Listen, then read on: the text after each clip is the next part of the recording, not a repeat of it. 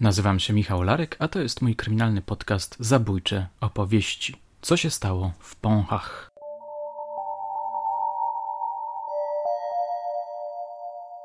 Pod koniec lutego 2019 roku opublikowałem podcast poświęcony Józefowi Plucie, tak zwanemu wampirowi z Marianowa. Przypomnę, ów mężczyzna zabił w 1973 roku swoją sąsiadkę, panią Anielę, we wrześniu 1979 roku wymordował w Pąchach rodzinę S, a w październiku w podpoznańskim Suchym Lesie zaatakował rodzinę K, czego efektem miały być, jak przeczytałem w jednym z dostępnych w sieci tekstów, dwie śmiertelne ofiary. Te dwa ostatnie czyny określa się sugestywnym słowem zapożyczonym z powieści Edwarda Stachury Siekierezada. Po akcji w Suchym Lesie służby rozpoczęły pościg za mordercą, który przez wiele dni ukrywał się desperacko w lasach. Pisząc ten odcinek, bazowałem głównie na relacji nieżyjącego już pułkownika Mroza, oficera poznańskiej komendy wojewódzkiej, którą to relację spisał mój znakomity kolega, emerytowany policjant, poznański oficer Miłosław Czarnecki.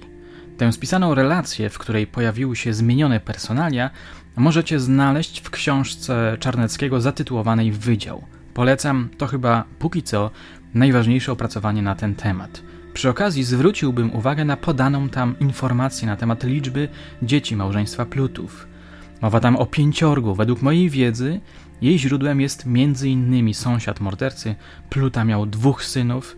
Podobno mieszkają dzisiaj w Sierakowie pod zmienionym nazwiskiem. Wybaczcie, ale nie podam go z oczywistych względów. Po publikacji podcastu dostałem od Was dużo komentarzy na temat tamtej sprawy. Okazało się, że pamięć o niej jest ciągle żywa. Pisaliście o psychozie, jaka zapanowała po Siekierezadzie, w Pąchach i Suchym Lesie. Wspominaliście o tym, że niektórzy z tych mieszkańców byli tak przerażeni, że zasypiali stoporkiem pod poduszką. Były też opowieści mówiące o tym, że Pluta na co dzień był grzecznym, uczynnym człowiekiem, który lubił wędkować. Dostałem parę wiadomości o ludziach, którzy chadzali z nim na ryby. Rzecz jasna, poruszaliście też temat jego śmierci. Według milicji i ówczesnej prasy, zbrodniarz sam sobie wymierzył sprawiedliwość, mianowicie w lesie koło wsi Karna. Te słowa pochodzą z artykułu zamieszczonego w jednej z poznańskich gazet. Krótko mówiąc, powiesił się na drzewie. Według niektórych z Was było to zabójstwo upozorowane na samobójstwo. Ciekawostka. Ktoś napisał, że milicjanci powiesili go na milicyjnym pasie. Mój znajomy oficer powiedział mi ostatnio, że według niego dowody wskazywały jednak na plutę. Po latach nie potrafi niestety ich sobie przypomnieć. Poza jednym, w kieszeni pluty znaleziono podobno klucz do domu rodziny S. Ale czy to jest dowód zabójstwa?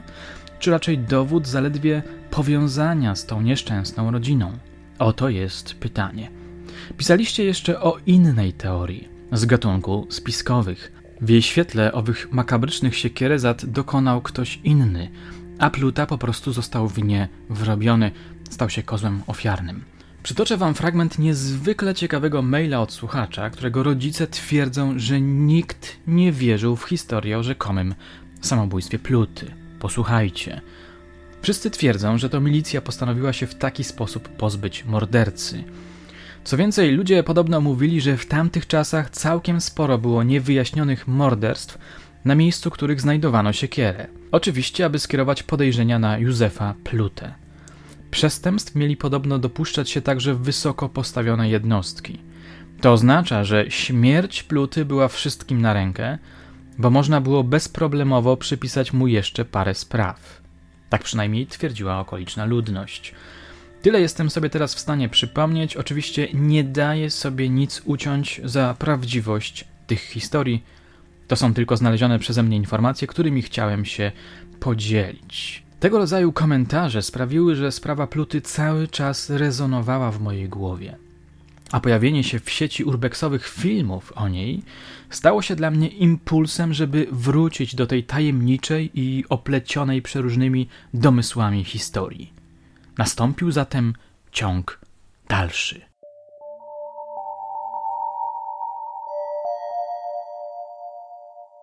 Skontaktowałem się z koleżanką z żyłką detektywistyczną i razem pojechaliśmy do Marianowa żeby zobaczyć miejscowość rodzinną mordercy i zarazem scenę jego pierwszej zbrodni. Jeśli nie pamiętacie przyczyny zabójstwa, już przypominam. Sąsiadka przyłapała plutę na kopulacji z owcą.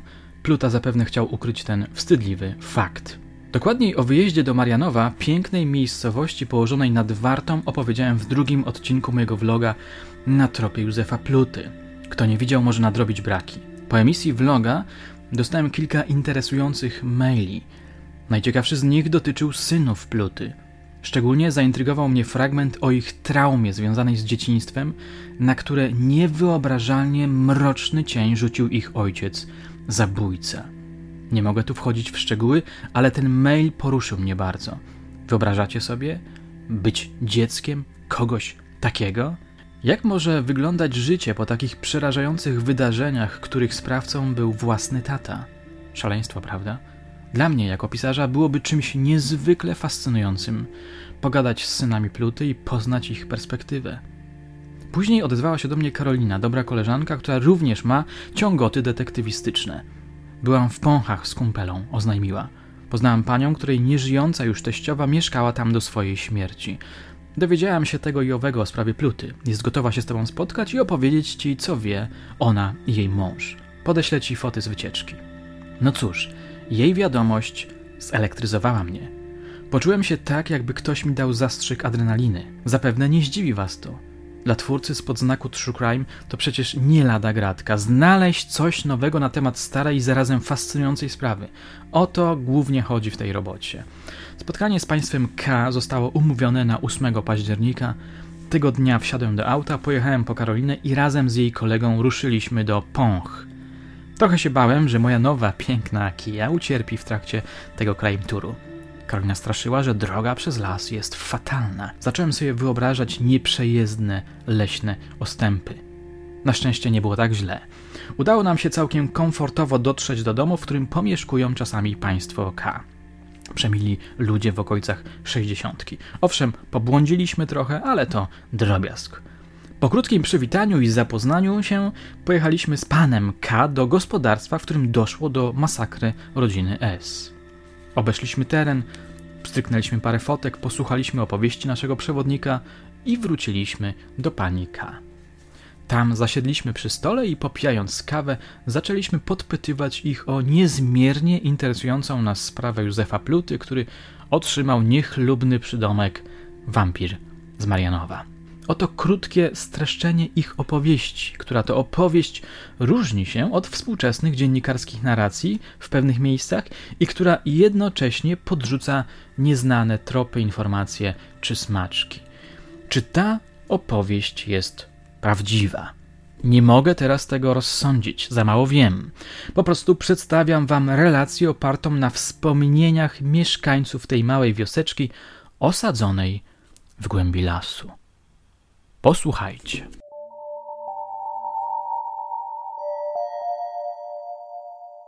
Józef Pluta przestraszył się. Od tego zaczęła się ta straszna historia. Ktoś z pracowników szpitala psychiatrycznego w Obrzycach, w którym przebywał, powiedział mu, że będzie musiał wrócić do więzienia, gdzie odsiadywał wyrok za zabójstwo sąsiadki. Panie Józefie, już wkrótce zamieni pan łóżko szpitalne na więzienne. Pani K. nie pamiętała, kto dokładnie wypowiedział te słowa, czy pielęgniarka, czy lekarz, czy może ktoś inny. Tak czy owak, Pluta, przerażony tą wizją, w szpitalu miał dobre warunki, mógł swobodnie się poruszać, uciekł z placówki. Wsiadł na rower, spakował rzeczy do torby, zabrał wędki i ruszył w drogę. Postanowił odwiedzić Teresę S., którą poznał w Obrzycach w szpitalu. Podobno łączyła ich więź natury erotycznej. Udał się zatem do jej rodzinnej miejscowości, czyli właśnie do Pąch. Mapy Google'a pokazują, że to jakieś dwadzieścia parę kilometrów. Gdy znalazł się w Pąchach, zatrzymał się przy gospodarstwie teściowej brata, opowiadała nam pani K. Zapytał, jak dojechać do domu rodziny S. Wskazano mu drogę. Kuzynki męża zajrzały mu do torby, dodała pani K. I zobaczyły siekierę. Przyznam, że nie bardzo w to uwierzyłem. Zapytałem, czy rzeczywiście była to siekiera, czy raczej jakiś nóż, który jest przecież potrzebny wędkarzom. To był toporek, mówię panu, podniosła lekko głos pani K. Pomyślałem sobie, że to ciekawa informacja, dość znacząca w interesującym nas kontekście. Według państwa K Pluta przebywał u rodziny S przez parę dni. Nocował u nich, w karty grał, opowiadała pani K, sugerując, że był to dla nich wszystkich spokojny, może miły czas. Państwo S, Jan i Teresa, mniej więcej pięćdziesięciolatkowie, mieszkali z trzynastoletnią córką i starszym panem, którego przyjęli z opieki społecznej. Jeden z internautów napisał, że być może był to powstaniec. Mieli jeszcze dwóch synów. Jeden z nich utopił się rok wcześniej. Drugi był w wojsku. Do Pąch przyjechał w odwiedziny tuż po masakrze, co napawa mnie zgrozą, kiedy pomyślę, jak musiał się poczuć, zobaczywszy, że jego rodzinny dom stał się miejscem krwawej jatki. Można tu zatem zauważyć różnicę między tym, co mówił na temat tej rodziny pułkownik Mróz, a tym, co opowiadali nasi rozmówcy. Mam wrażenie, że jednak ich sąsiedzi są bliżsi prawdy. Stary oficer mógł pomylić pewne fakty, mało istotne z punktu widzenia śledztwa. Kiedy słuchałem opowieści państwa K, przypomniałem sobie pytanie, które dręczy mnie od dawna: dlaczego on ich zamordował? Co się stało? Co było zapalnikiem? Agnieszka Smogulecka napisała: Wspólnie zjedli posiłek. Później zaczęła się masakra, bandyta wymordował domowników. Według państwa K było inaczej. Jan S. pojechał do pobliskiej miejscowości kupić konia. Dorabiał sobie przy pracach w lesie, potrzebował do tego właśnie konia. Uzgodnił cenę ze sprzedawcą i wrócił do domu po pieniądze. No i tu dochodzi do punktu krytycznego. Jan S. zastaje swoją żonę w dwuznacznej sytuacji z Plutą. Być może doszło do awantury, w czasie której Pluta wpadł w szał, amok. To by się nawet zgadzało z tym, co opowiadał pułkownik Mróz. Podobno Pluta, przesłuchiwany po zabójstwie pani Anieli, zaklinał się, że nie chciał zabijać sąsiadki, ale ogarnął go wówczas jakiś amok, a gdy zorientował się, że nie żyje, wystraszył się i wrzucił ciało do wody. Może więc wpadał w furię w krytycznych momentach. Może tak właśnie reagował na tego typu sytuacje.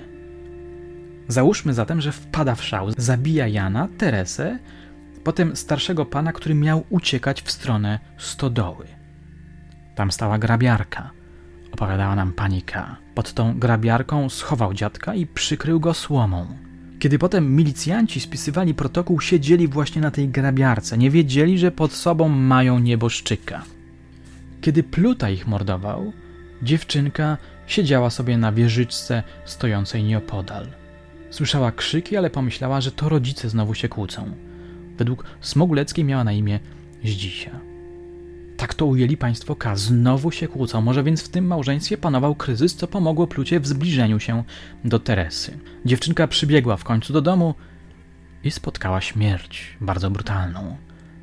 Kiedy ją znaleziono, była przywiązana do łóżka drutami, kontynuował pan K. Zgwałcona, przecięta. Wyglądała najgorzej ze wszystkich ofiar. Rano zrobił się szum na wsi, więc ojciec poleciał do ich gospodarstwa zobaczyć, co się dzieje. Teść zobaczył tę zmasakrowaną dziewczynkę i był wstrząśnięty.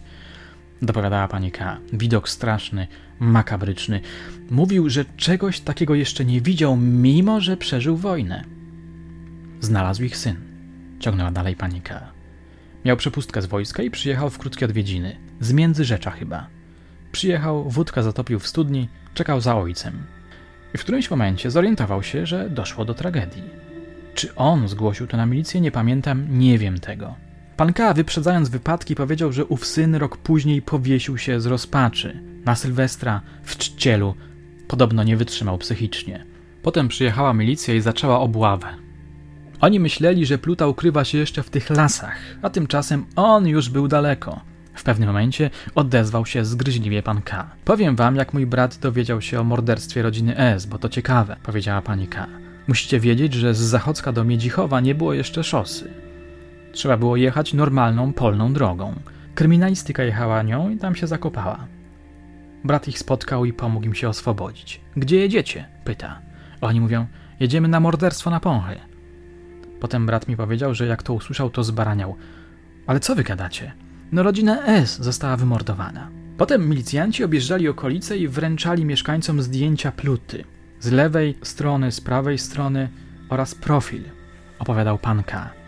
Jak go zobaczycie, to zgłaszajcie. Teściowa położyła te zdjęcia pod folią na stole. Gdy ktoś wchodził do domu, od razu je widział. Niestety państwo K nie mogli znaleźć tych zdjęć. Podczas remontu mnóstwo rzeczy wyrzucili. Po wymordowaniu rodziny S pluta wsiadł na komarka, mówił dalej pan K, którego znalazł w obejściu i pojechał na stację Zachodzko. A stamtąd udał się do suchego lasu lokalnym pociągiem linii Międzychód z Bąszynek. Po jakimś czasie ktoś znalazł ten motocykl. Pan K twierdzi, że była to milicja, a pani K, że grzybiarze. Tak czy owak, można było wtedy wywnioskować, że Pluta jest już w innym miejscu, że trzeba ruszyć dalej jego śladem. 20 października wampir z Marianowa zaatakował siekierą kolejną rodzinę. I wtedy wybuchła psychoza. Mój brat spał z siekierą pod poduszką. Opowiadała pani K. Ale o zajściach w suchym lesie opowiem w innym odcinku.